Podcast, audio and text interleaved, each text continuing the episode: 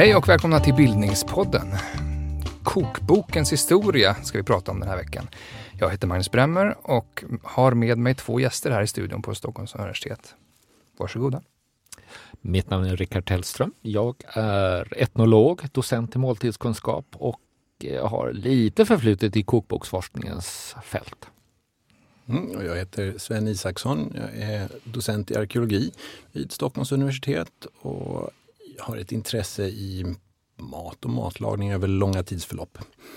Varmt välkomna. Tack så mycket. Tack så mycket. Det sägs att det ges ut en kokbok om dagen i Sverige idag. Lever vi i kokbokens guldålder? Eh, det är svårt att säga för man vet ju inte vad som ska komma. Man kan ställa sig frågan, är det mycket att det kommer ut en om dagen? Eller en matbok kanske man kan precisera det. Det kan man inte heller säga. Det kanske är egentligen eh, förskräckligt lite. Det borde kanske komma ut tre, fyra, fem eftersom vi ägnar oss åt den här frågan genom hela livet. Eh, alla lyssnarna har antingen precis ätit eller äter just nu eller kommer alldeles snart att äta. Och så håller våra livsdagar på. Så det här är liksom vårt mest centrala ämne. Mm.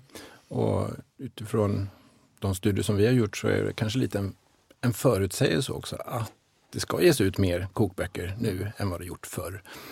Men eh, varför ges det ut så mycket kokböcker just nu? Alltså, vi lagar väl inte mer mat hemma, snarare tvärtom? Väl?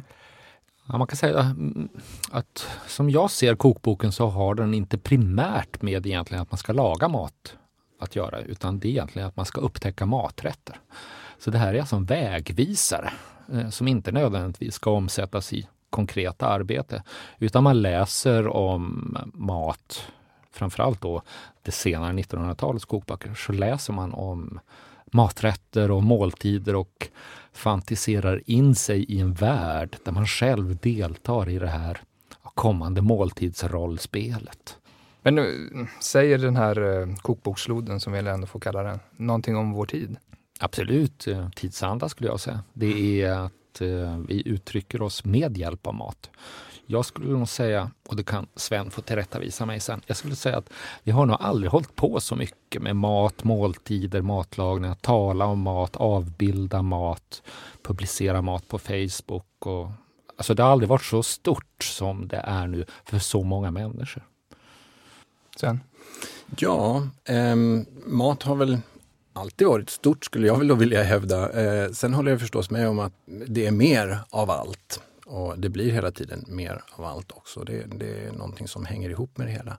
Eh, men maten är ju ett sånt spännande ämne att jobba med just för att dels så är det en, en, mänsklig nödvändighet. Vi behöver äta inom ett visst antal timmar annars kommer kroppen ställa om sig. Vi kommer börja svälta. Eh, men sen är vi ju lite som gamla traktorer. Det går nästan att hälla i vad som helst och vi puttrar och går ändå.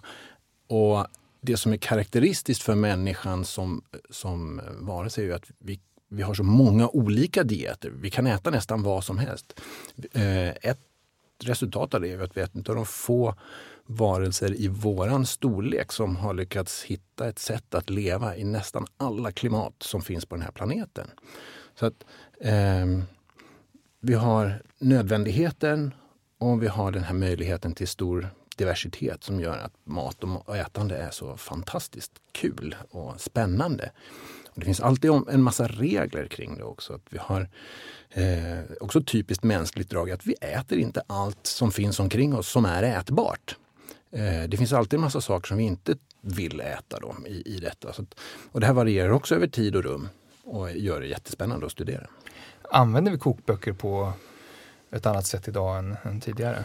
Om jag bara går till mig själv så använder jag väl kokböcker på två olika sätt sådär huvudsakligen. Dels som ren instruktionsbok hur många deciliter mjöl var det nu man skulle ha i, i det här receptet som jag ska laga. Eh, men sen, det är det som Rickard var inne på här, till inspiration. Att läsa, hitta nya saker, nya idéer och få nya tankar kring mat. Och så har det sett ut över, över längre tid?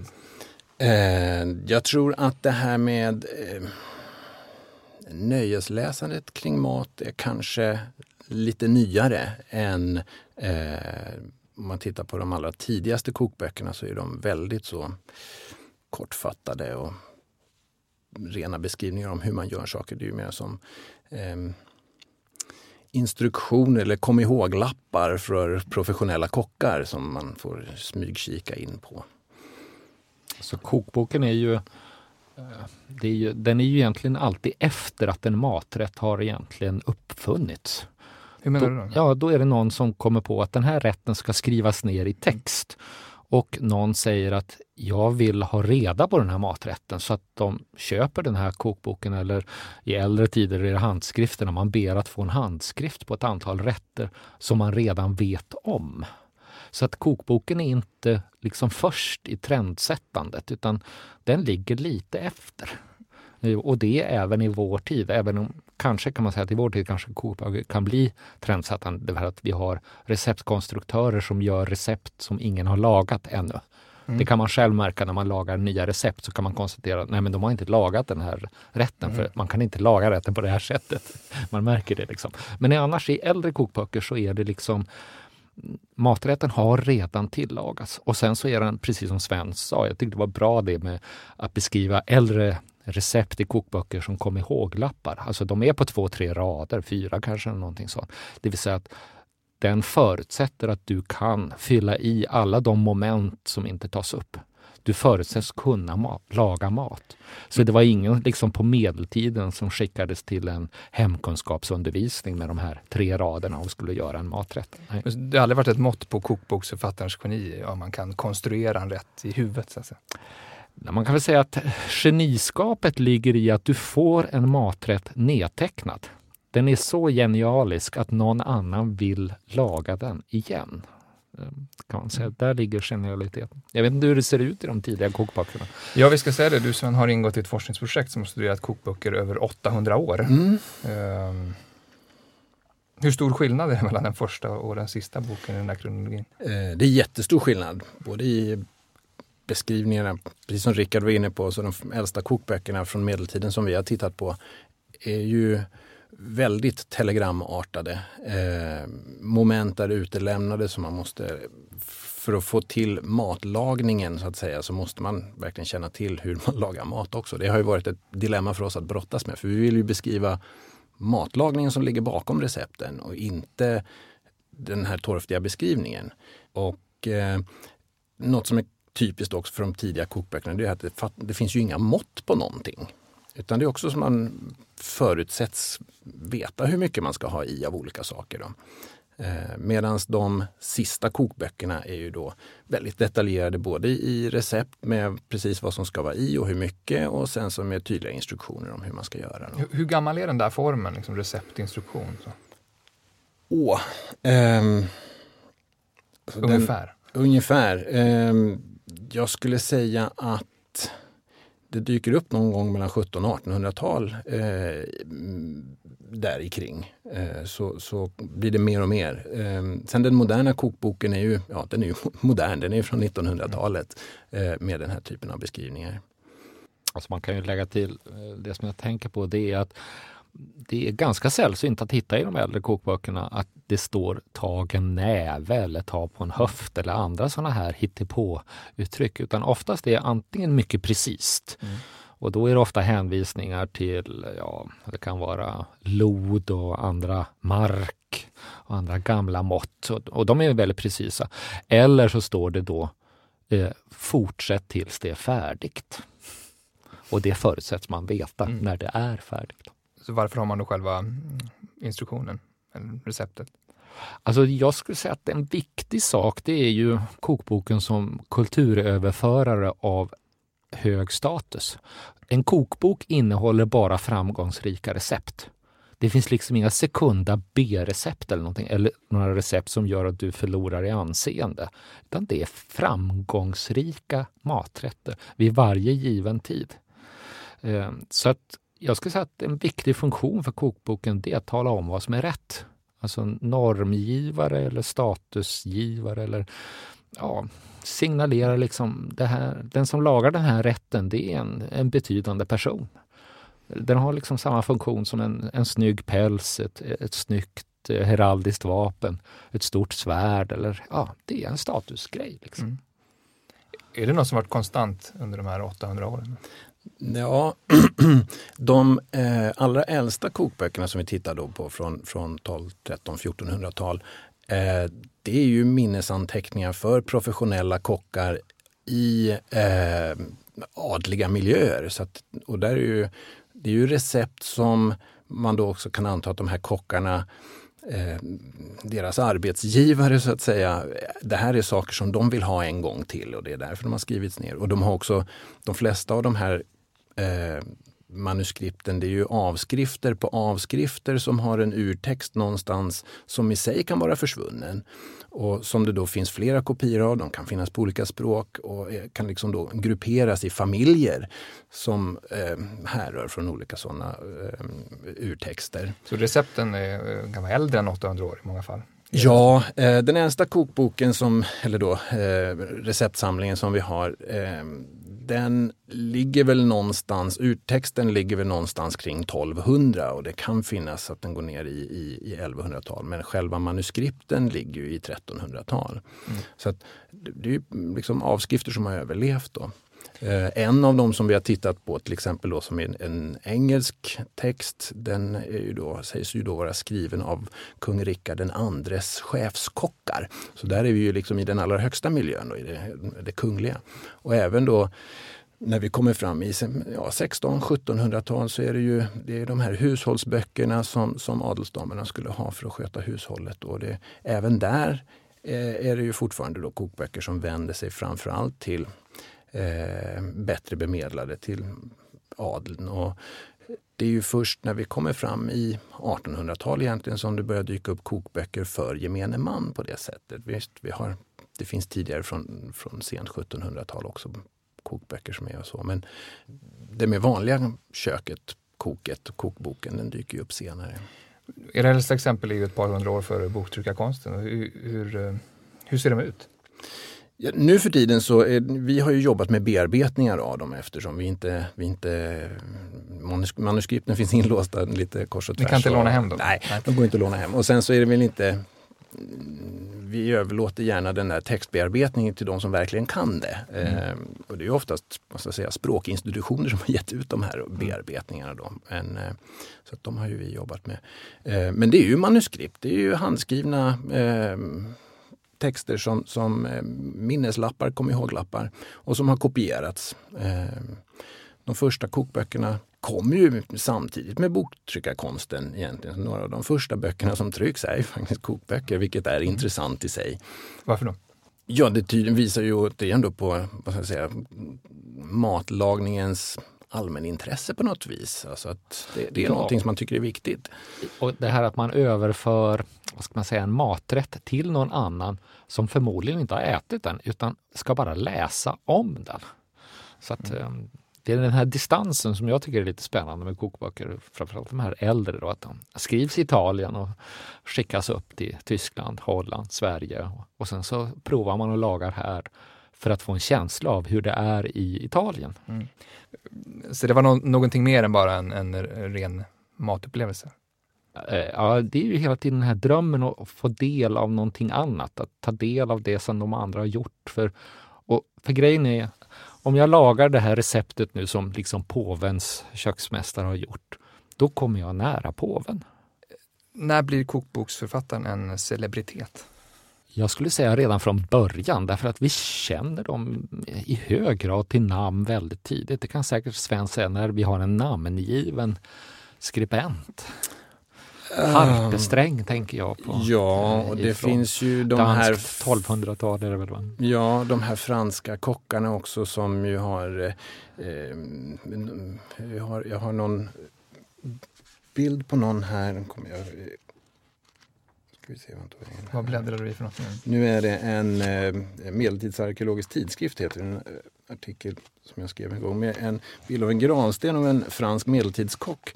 Ni ser sköldmärket är tre grytor. Så att, Han ser mer eh, ut som en riddare än en kock egentligen. Ja, men eh, det, det, visar ju också att en, en, en, riktigt bra kock även på medeltiden kan ju nå väldigt långt, få väldigt hög status. Mm.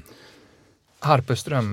Harpesträng. Han Harpesträng, hette någonting mer i förnamn, kommer du ihåg? Henrik hette han väl tror jag? Henrik. Henrik Ja, Harpesträng, tror jag. Det är också det här gränslandet mellan kokbok och medicinalinstruktion, alltså att man mat för hälsa och att olika sjukdomstillstånd, hur man då kan behandla dem med olika typer av mat. Vem var han?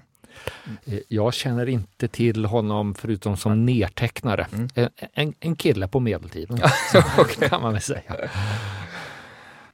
Bland de här första eh, tryckta kokböckerna, kan ni nämna några exempel? På, påvens köksmästare Scapia, det är en tidig kokbok. Den är daterad 1470, 71. Och boktryckarkonsten drar igång med Gutenberg 1460, Ja, fem- 50-tal är det va? Något Ja, sånt. så det är, Mm. det är väldigt tid. Mm. Eh, Så den är ju namnkänd. Mm. Eh, Men sen så, ja, vi känner kokböcker från 1600-talet, Den fransöske kocken. Eh, En liten kokebok. en liten Eh, utav de som har kokebok. gått, ingått i vår studie. Ja, och Salé finns det en författare som heter på Mm. 1600-talet Smith och sen kommer ju Kajsa då på 1700-talet Smith. Mm. Så vi, vi känner dem till namn och det är det att de garanterar med hjälp av sitt namn att det här är okej. Det är liksom en status. Mm. Det är, Eh, de som ger ut kokböckerna i hög grad, eh, ja 1700-talet är ju kvinnor. Eh, jag tänkte på Susanna Egren från 1730-talet och Kajsa Warg 1750-tal. Och I hög grad kvinnor och det är hemmets matlagning. Så att det är också den här förändringen att när adeln och hovet förlorar i inflytande så försvinner också den genren. Jo, där är ju mm, känt att arenan för de professionella kockarna förändras ju i och med omvälvningarna i samma, samhället i samband med den franska revolutionen där man då tidigare lagat mat åt adelsmännen. Men i och med industrialiseringen, den begynnande och eh, liksom det här bor, bor, borgerskapet Ja. som då vill så att säga, leva ett, ett, ett mm, trevligare liv på frukterna Ja. från det kommande så har vi ju den här restaurangrörelsen som ju i och med detta verkligen tar fart på ett vad ska vi säga, modernt sätt. Absolut, det har ju ja. funnits gästgivargårdar innan men inte den här restaurangen på Nej, det och sättet. inte umgänget i offentligheten som Nej. det nya borgerskapet står för från tidigt 1800-tal. Hur, hur förändrar den här framväxande offentligheten eh, kokboksutgivningen? Eh, ja, det är ju från, från 1800-talets början så börjar vi ju få en, i hög grad att maträtter är namngivna. De har, en, maträtt har ett namn därför att den har en speciell komposition av rätter, eller en komposition av delar till rätten. Eh, vi får sjötunga Walewska, vi får Tornidor Rossini, eh, det finns Chateaubriand. Chateaubriand, det finns eh, soppor som heter Aida och liknande. Och det är också det här, vad kan man säga, det lite ängsliga 1800-talsborgerskapet vill förankra sig i historia och kända personer för att det inte ska bli så tydligt att man är en uppkomling. Mm. Liksom att man, man bygger sin historia med hjälp av andra. Finns det mattrender alla pulled pork och surdegsbröd i den äldre historien? Ja, där har vi ju i en av studierna tittat på hur eh, sammansättningen av ingredienser förändras över tiden. Och ehm, där kan vi ju se att när det gäller huvudkomponenter, huvudingredienserna, så finns det en väldigt tydlig så kulturell överföring mellan de här kokböckerna. Man bygger på det som fanns innan. Och eh, Vi kan prata om en mer eller mindre sammanhängande tradition och kunskapsöverföring under de här 800 åren. Men när vi tittar på eh, vad ska jag säga, eh, kryddning, grönsaker och sånt som ingår i de här rätterna så har vi genast en större variation. Eh, grönsakerna är inte lika stor som kryddningen men ehm, och när det gäller grönsakerna så har vi också det här med att det kommer in under vår studieperiod så, så att säga, upptäcks ju eh, Amerika och det kommer in många nya grönsaker därifrån. Som då blir tillgängliga? Som blir tillgängliga och, och som förändrar så att säga den här kopplingen direkt bakåt i tiden i någon mån. Ehm, men när vi tittar på kryddning till exempel, då ser vi att det är så att säga turbulent hela tiden. Där har vi mer av det vad vi skulle förvänta oss när man har alltså modesvängningar, någonting som blir populärt och sen försvinner igen. Och då får man inte den här kopplingen nödvändigtvis i tiden som vi ser på de andra anrättningarna. Så absolut har det funnits mattrender från medeltid och framåt och de har varierat. Skulle man också kunna tala om de enskilt viktigaste kokböckerna i historien? Vågar ni er på några exempel? Ja, det beror ju på vad man använder som mått på viktighet. Då. Och de kan ju vara många. Det kan vara innehåll och påverkan och andra saker. Alltså, skulle jag personligen själv utse den viktigaste kokboken i, i svensk kokbokshistoria så är det vår kokbok från 1951. Varför då? Eh, därför att den är helt revolutionerande som matlagningsidé. Den gör matlagning tillgänglig för alla. Den ändrar måtten i kokböcker från att tidigare ha varit i hög grad antingen ganska oprecisa eller baserat på vikt. Så går den över till måttet, volymmåttet. Eh, man hittar på det nya eh, måttet matsked. Man bestämmer att det är 15 milliliter. Eh, det innebär att vi kan idag laga upp maträtter från 1951 och de blir förmodligen oerhört exakta. Men recept från 1950, innan mm. måttsatsen är är i hög grad osäkra. För där kan det stå kaffekoppar, tekoppar och så vidare. Så att vi har en precision sedan 51. Och det var syftet med utgivningen? Det var syftet och den är en del av folkhemsbygget och att göra matlagningen eh, tillgänglig för alla. Den kopplas till skolundervisningen, alltså i skolkök och hemkunskapsundervisning. Man ändrar språket i den så att eh, alla recept inleds med ett verb i uppmaningsform, i imperativ form. Det står ansa morötterna, koka vattnet. Alltså, det finns något uppfordrande? I, i... Mycket uppfordrande och eh, sen är allting provlagat också. Eh, och, så att det är, och det är också lite ovanligt skulle jag säga. Så att jag skulle utse den absolut viktigaste kokboken i svensk kokbokshistoria. Det är vår kokbok. Du har skrivit en C-uppsats en gång i tiden om, ja, om, om, och, jämfört, kokbok, och jämfört förorden. Ja, eh, jag tittade på hur man i de här korta förorden, det är vanligtvis två sidor, eh, där man gör en programförklaring av vad boken syftar till. Och där är det väldigt tidigt, tydligt när man tittar på vår kokbok att den är en del av folkhemsbygget. Den ska göra människor mer bekväma med matlagning. Vem som helst ska kunna laga mat i hushållet i och med att det bygger på volymmått. Eh, och eh, den vill också ja, bereda plats för den moderna människan i sin enkla matlagningsintresset. Eh, liksom. Att matlagning ska vara den ska befordra liksom snabbhet och enkelhet och ja, helt enkelt folk, folkhemmets, folkhemmets kök. kan man säga. Där finns kokboken och det är vår kokbok. Så om den är mer mästrande den också mindre statusorienterad? Eh, nej, jag skulle säga att den förmedlar status på grund av att man blir en modern människa om man gör den. Och att vara en modern människa, det har hög status i vårt land. Mm. Liksom det, man är inte någon reaktionär, utan man är modern demokrat. Och då lagar man de här nya rätterna efter den här kokboken. Och idag så är det också så att alla kokböcker i Sverige i princip, de bygger på måttsatsen. Och måttsatsen finns inte i andra länder. Den har sen tagits efter. Men det är en svensk uppfinning. Det är Hemmens forskningsinstitut på 1940-talet som tar fram den. Alltså, måttsatsen? Måttsatsen är ju ett decilitermått, det är ett, eh, en matsked, det är en tesked och det är ett kryddmått. Både kryddmåttet och matskeden är ju då bestämda med hur mycket de ska vara. Och då gör man den här plastmåttsatsen som jag tror de flesta har i sin eh, kökslåda. Eh, och de är staplingsbara i varandra, de här måtten. Och det var också en idé med Hemmens forskningsinstitut på 40-talet. Det är då vi får staplingsbara serviser om du köper en, köpte en servis på 30-talet så kunde du liksom inte ställa såskastruller och grejer och sånt i varandra. Utan, eller såsskålarna eh, eller potatisskålarna. De var inte staplingsbara. Men det blir liksom det nya idealet. Den moderna människan staplar porslin. Liksom. Det ska gå i varandra. Om man tänker motsatsen till det här standardiserade uppfordrande i, i, i ett stort historiskt perspektiv. Det Finns det liksom moraliskt tvivelaktiga kokböcker eller kokböcker vi skulle rygga för idag? Rätter som vi kanske inte skulle våga äta och så vidare. Jag är ju intresserad av enkel matlagning, forntida matlagning och sådär också. Så att, I synnerhet några av de här tidigaste kokböckerna har vi provat att koka upp och laga till saker. Och många av dem är ju eh, mer än väl ätbara, väldigt goda. Eh, men eh, det finns ju exempel på sånt som kanske inte är lika kul heller. Eh, sen finns det ju olika ideal. Det finns en kokbok från sen romartid.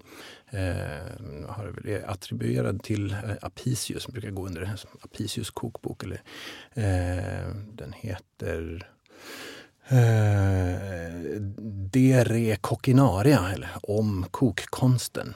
Och där har man ju ett helt annat ideal när det gäller matlagningen och det är ett, det är ett väldigt eh, ja, det är ett medelhavskök om man säger så, ett sent romerskt kök, en väldigt alltså barock matlagning eh, där mycket Många recept slutar med den lilla strofen och dina gäster kommer att bli förvånade. Det handlar om att eh, överraska mycket. Man gör maträtter av en sak som eh, ska se ut som någonting annat. Och det här, den här barockiseringen tas ju upp lite också i senare i senmedeltid och i, I barocken. I barocken ja, precis. eh, men det finns inget direkt liksom, arv där från, från det romerska utan det är, det är, det är en liksom, egen, egen sån grej. Men är det där en, en paradox i kokbokshistorien eller i kokboken som genre kanske? Både viljan att uh, överraska men också att vara konventionell i bemärkelsen följa trender och så vidare. Alltså du ska ju, när du lagar en maträtt ur en kokbok så har du ju gäster. Eh, liksom, du gör det ju ett syfte. Det, eh, och du vill imponera, du vill åka upp på den sociala skalan. Ehm, så att den här lilla anvisningen om att dina gäster kommer bli överraskade, det, den skulle jag säga den förekommer även i vår tids kokböcker och 1900-talets kokböcker. Och då tänker jag på den lilla frasen så här kan du piffa till rätten. Mm. Piffa till, det är ju ett sätt att göra rätten lite mer överraskande för dina gäster. Så att det, det här momentet att du ska visa upp dig själv genom matlagningen, den är ju i hög grad levande. Men det ska fortfarande vara något rimligt välbekant, men med en liten piff? Ja, man kan säga att ska man introducera nya saker i, matkulturen så måste de tillagas ungefär som det som redan finns. Eh, och då tänker jag på när introduktionen i Sverige sker av det kinesiska köket. Det är på 1940-talet, det öppnar en avdelning på Berns restauranger i Stockholm som heter Berns kinesiska. Eh, det är 1944 och eh, man kan säga då att där serverar man då kinesiska maträtter i Sverige för första gången. Men de är förskräckligt nära en svensk kalops till exempel. En biff chop soy och en svensk kalops 1944 i princip samma maträtt. Alltså. Därför att introduktionen av en ny smak eller en ny konsistens måste göras mot det som redan finns. Och fyra små rätter är väl en eh, Ja, det är också ja, det är en svensk uppfinning för att Eh, vi äter ju allting på samma tallrik. Eh, vi har väldigt svårt att tänka in oss på 1900-talet att man äter ur olika skålar och även om det var ett historiskt väldigt vanligt sätt att äta. Ehm, friterade bananer med glass finns inte i Kina till exempel. Det är ju typiskt en egentligen en fransk restaurangrätt, men den är faktiskt väldigt svensk. Det är riktig svensk matkultur. Och till riktig svensk matkultur på senare tid kan man väl också eh, placera in kebabpizzan vad jag förstår. Att det är en an anrättning som absolut inte går att få tag på i Italien och säkerligen Nej. inte i Mellanöstern där vi har kebabens Nej. hemland. Den har, den har tillkommit i mötet här i Sverige. Ja, och då kan man också lägga till till kebabpizzan att pizzasalladen, vitkålssalladen som vi har till, den finns inte heller i något annat land. Utan mm. det är svensk matkulturs bidrag till internationell gastronomi. Så Har den spridit sig?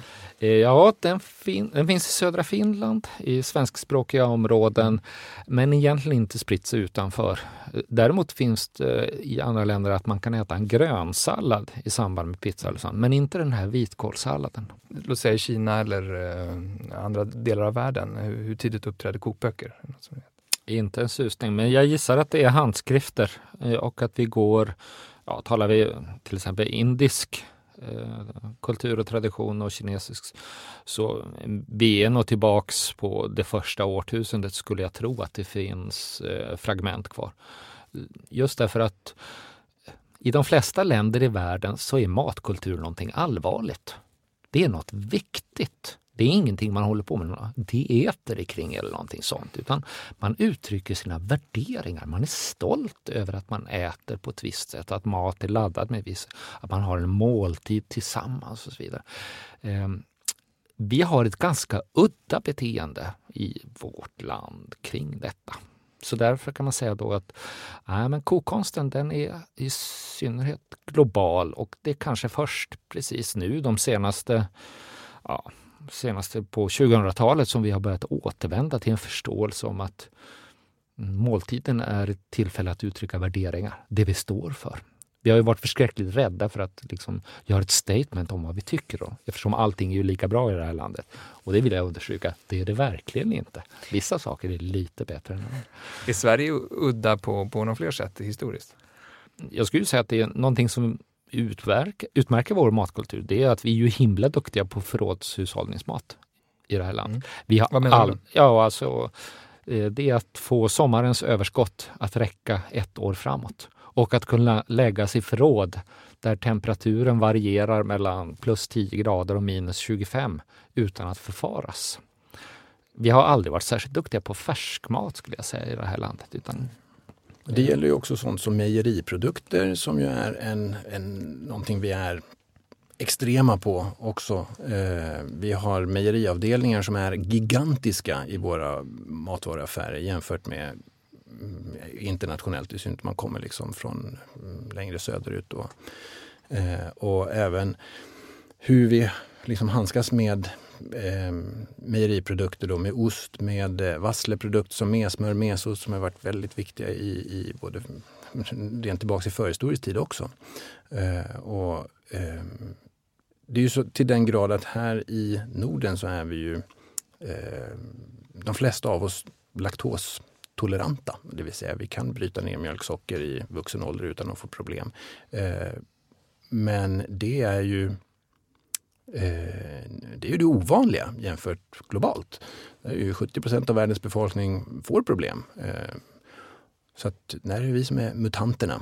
Och det har ju en orsak som ligger bak i förhistorien. Kanske inte fullt så långt bak, men någonstans mellan sten och bronsålder så händer det någonting. Och då har det varit viktigt i den här delen av världen att kunna tillgodogöra sig mjölksocker. Och antagligen då inte via färsk mjölk utan via just vassleprodukter. Eftersom eh, eh, gör man yoghurt, gör man ost av mjölken så minskar laktoshalten till den grad att även sådana som inte kan bryta ner mjölksocker kan tillgodogöra sig de produkterna. Så att någonting speciellt har hänt här. Men det är någonting som vi håller på att forska i ett annat projekt. När får kokboken sin moderna form? Ja, den som eh, brukar tillskrivas det är väl, vad heter han, Hagdal. Charles Emil. Charles Emil Hagdal. Här har vi den Kokkonsten som vetenskap och konst. En magnifik pjäs med 3000 recept. När är den ifrån? Den är från 1879 om jag minns rätt. Just det, 79 första upplagan och sen kommer den väl 1891 med Ja. nya mått. För det är, det är gamla mått i den första och sen kommer det med decilitermått i Och det, här Och ha, hur, eh, varför är den revolutionerande? Det ska väl vara den kokboken som sägs introducera det moderna köket i Sverige på något sätt. Eh, Den är en avspegling av det europeiska köket. Det är inte bara liksom det svenska. Och det är också en, en, eh, eh, det är en kokbok med en agenda. Eh, Hur då? Där eh, doktor Hagdahl vill ändra eh, det svenska folkets beteende när det gäller mat och hur man handskas med mat och hur man äter och lagar för bättre hälsa framför allt. Ja, den är ju näringsfysiologiskt orienterad, absolut. Han var ju själv då läkare. Och sen så kan man ju säga att det är väl kanske den enda kokbok vi har i Sverige som man skulle kunna lägga till epitetet encyklopedisk. Mm. Liksom. Att det, det är ett megaverk och det är, den är, det är ett uppslagsverk. Och, eh, man kan säga det att eh, det är någonting som alla borde ha i sin kokbokshylla så måste man ha Hagdal därför att där börjar liksom den moderna kokkonsten i Sverige. Även om den är, den är väldigt fransk och i, i sin tanke och struktur. Och, Men är det en föregångare till de här standardverken, alla eh, vår kokbok och så? ja, kanske man kan säga eh, och föregångare till det som blir grundkokböcker som Mm. vi har i Sverige. Alltså vår kokbok, eh, Rutek-kokboken, Stora kokboken, Bonniers kokbok. Ehm, här, här får man liksom en instruktion hur man kan göra vissa basala saker. Även om man kan säga att kanske 1900-talets kokböcker handlar om att de blir både mer och mer avancerade och så blir de också enklare och enklare. Så att vad ska man säga, tröskeln in i kokkonsten är betydligt lägre idag än vad det var på Hagdals tid. Men från Hagdal och framåt, då, vad, vad, vad, vad, finns det för typ av kokböcker? Olika genrer i genren? Så att säga? Vi har, vi har eh, det här encyklopediska verket. Så. Finns det den kända restaurangens kokbok eller stjärnkockens kokbok? Ja, de, då är vi ju, kända restaurangens kokbok, det är ju ja, 60-tal, 50-60-tal och sen då framförallt 80-90-tal. Mm. Eh, då det blir väldigt stort. Och det blir, väldigt, det blir ju också väldigt billigt att ge ut eh, böcker och vi får bildkokboken. Det finns ju inga bilder i kokböcker egentligen före 1930. Även om Hagdal har, men det är då, undrar om det är träsnitt eller om det är etsningar eller en blandning därav. Eh, men annars fotografier, instruktionsfoton är ju från 30-talet där man ser handgrepp. Eh, men sen kan man väl säga att det kommer då allt mer färgbilder. Eh, det blir mer inspiration. Och sen så kommer ju kanske den kokbok som betyder mest idag. Eh, jag tänker på Rosendals Café. Den kokboken kommer, jag tror det är 1995. Den innehåller de här extrema närbilderna på mat. Liksom ett helt uppslag, en hel sida med ett litet rosblad i extrem närfoto. Och det är en ny genre. Finns det någon, några former av illustrationer i det, i det medeltida manuskripten som ni har tittat på? Absolut inte. Det är bara text. Mm. Mm. Däremot finns det ju då beskrivningar i äldre kokböcker om hur man ska lägga upp maten. Mm. Och det är någonting som nästan försvinner idag. Idag finns det inga instruktioner om att den ska läggas upp eh, vackert eller på en bruten servett eller det framgår av, av illustrationerna helt enkelt? Ja, eller rättare sagt det anses idag vara resandens ensak, att det får man göra hur man vill med. Mm. Men det är väl ändå ett presentationsförslag som vi ser på bilden? Ja, just det. Men förut var det ju, liksom, det var ju rätt att mm. man, man, skulle göra på ett visst sätt. Då. Alltså man ger instruktion på att har du liksom stekt en kyckling eller en kapun eller någonting sånt så serverar du den på ett fat. Men du lägger inte kycklingen eller kapunen på fatet utan du har en bruten servett emellan mm. och det står i receptet. Mm. It, Finns det fler sådana här exempel på uh, uppläggning? Ja, alltså det är ju kombinationerna på 1800-talet då. Hur, hur, man ska alltså, vilka rätter som ska kombineras med vilka garnityrer. Mm. Garnityrerna kommer ju att spela en väldigt stor roll på 1800-talets matlagning. I den äldre matlagningen så då ställer du ju fram eh, skålar på bordet, karotter med olika grejer och så lägger du ihop din tallrik som du tycker. Det passar inte 1800-talets människa utan där har vi bestämda mm. Så att, eh, och det blir ju då att kokböckerna berättar vad som är rätt så att inte du riskerar att blamera dig och att det blir genant när du lagar mat. Och det är en väldigt viktig sak i kokboken. Vad har åldrats eh, mest respektive minst eh, i Hagdals bok? Alltså Hagdal har ju inte så mycket färska råa grönsaker. Utan det är ju alla, när man talar om sallader på slutet av 1800-talet i kokböcker, då är ju det alltså en inlagd historia. Om vi tänker att vi idag äter en maträtt, köttbullar med pressgurka till exempel. En, pressgurka heter på 1800-talet, det är en gurksallad. Mm. Så att det här att äta råa grönsaker, det är, ja, det är en märklig idé som uppstår på 1900-talet. Men det är mer Ganska onödig kan tycka. Det är mer en märklig idé än en tillgångsfråga. Eh, ja, tidigare i historien så har man ju alltid lagt grönsakerna först i förråd. Alltså allting läggs in. Torkas, saltas, mm, ja, syras, syras eh, för att tas om hand sen. Så att man utgår alltid från förrådshushållningens halvfabrikat eller liknande. Eh, man äter inte i säsong, utan om du har ett överskott i säsong, jättemycket potatis, då lägger du den i förråd först och så äter du upp den äldsta potatisen mm. först. Ungefär som när vi handlar mjölk idag så ställer man nyast mjölk längst bak i kylen och så dricker man den som är äldst.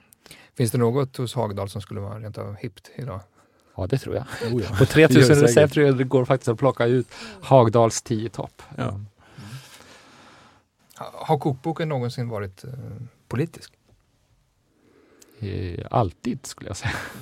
På så sätt att politiken reglerar alltid vilka varor som är tillgängliga i landet genom tullar, eh, genom eh, krig, genom livsmedelshygienbestämmelser. Eh, så att man kan säga det att en kokbok är i hög grad i samklang med aktuell politik i landet. Vi jag ser... vet inte om vad du ser Sven i det äldre materialet? Jo, i vi har ju några kokböcker som sticker ut lite grann i studien när det gäller förändringar och sånt där. För att i, i den sista studien så kan vi också titta på förändringshastigheten. Hur mycket händer mellan de här kokböckerna? Och det har vi just under 16-1700-tal. Och om man då utelämnar 1900-talet tills vidare så, så sticker det, den tidsperioden ut i och med att det att det händer mycket. Och det är också en period med mycket konflikter i Europa. Vi tänker att vi tittar på recept från eh, nordvästeuropa. Vi har 30-åriga kriget, vi har de stora matrevolterna som är ett historiskt bortglömt fenomen. Att, att eh, gemene man levde ju lite grann på gränsen till svält. Och eh, Myndigheterna stod väl då lite som garanter för att man skulle få mat, i synnerhet i städerna. Då. Och när det inte uppfylldes, då blev det revolt. Då blev det, och, och, så det var en mycket orolig period samtidigt som folk var ute och rörde på sig, på gott och ont då, när man är ute och krigar och tog mycket influenser. Så vi ser det som en liten en, det sticker liksom fram i vårt ganska grova källmaterial också. Då. Finns Men, det revolterande kokböcker mot rådande matnormer? Eh, ja, nu för tiden gör det ju det absolut med eh, vegan och alla dessa dieter av olika slag till exempel. Och vegetarianrörelsen är ju äldre och, och har ju förstås varit ett, eh, att man vänder sig mot, mot en etablerad matkultur. Har ni några personliga favoriter från kokbokshistorien? Ja, jag nämnde ju min eh, vår kokbok. Mm. Den är, är, min favorit, ska jag säga. Mm. Eh, för att den då... Både viktigast och eh, personligt? Ja, alltså om man ska plocka ut en sån här som den revolterar. Den, mm. den, vänder ett helt land till att börja laga mat på ett nytt sätt. Vår kokbok är eh, en oerhört viktig kokbok för att förstå vad det innebär att vara svensk. Eh, inte minst nu i tider när vi har många flyktingar som kommer till Sverige och vi har många invandrare. Eh, om de vill förstå vad vi gör i Sverige ja, då är vår kokbok ett mycket bra exempel. Här har vi bestämt att en matsked är 15 milliliter. En matsked kan inte vara liksom hur stor eller liten som helst, utan den är en viss sak. Och det tycker vi är jätteviktigt. Så det innebär att, jag kan säga att vår kokbok är en ingång i svensk mentalitet. Här ansar vi morötterna. Man tar inte morötterna och skalar dem lite hipp som happ, utan man ansar dem imperativet ska ligga först. kan vara lärorikt för de oss flesta. alla.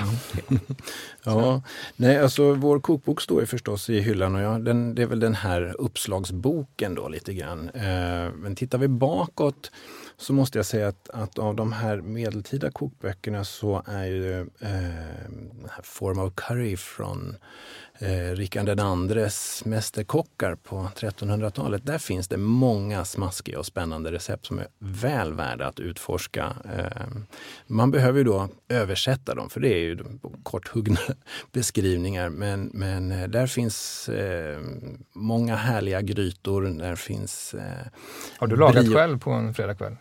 Eh, Kanske inte just en fredagkväll, men eh, jag har lagat många av dem själv, absolut. Mm. Både eh, i det moderna köket och ut över öppen eld för att liksom mm. pröva på. Det, det, det, finns mycket värt att, att snoka i där. Det får bli slutordet för idag. Eh, stort tack Rickard Tellström, Sven Isaksson för att ni ville vara med. Tack så mycket. Tack så mycket. Och vi är tillbaka om en vecka igen med ett nytt avsnitt. Ni kan som vanligt gå in på bildningspodden.se och lyssna på tidigare avsnitt och följa oss på sociala medier för att veta mer om vad som kommer. Tack för att ni har lyssnat. Du har lyssnat på Bildningspodden, en podcast från humanistiska fakulteten vid Stockholms universitet. Producerad av Magnus Bremmer och Claes Ekman. Podden spelas in på Språkstudion och tekniker är Henrik Nordgren.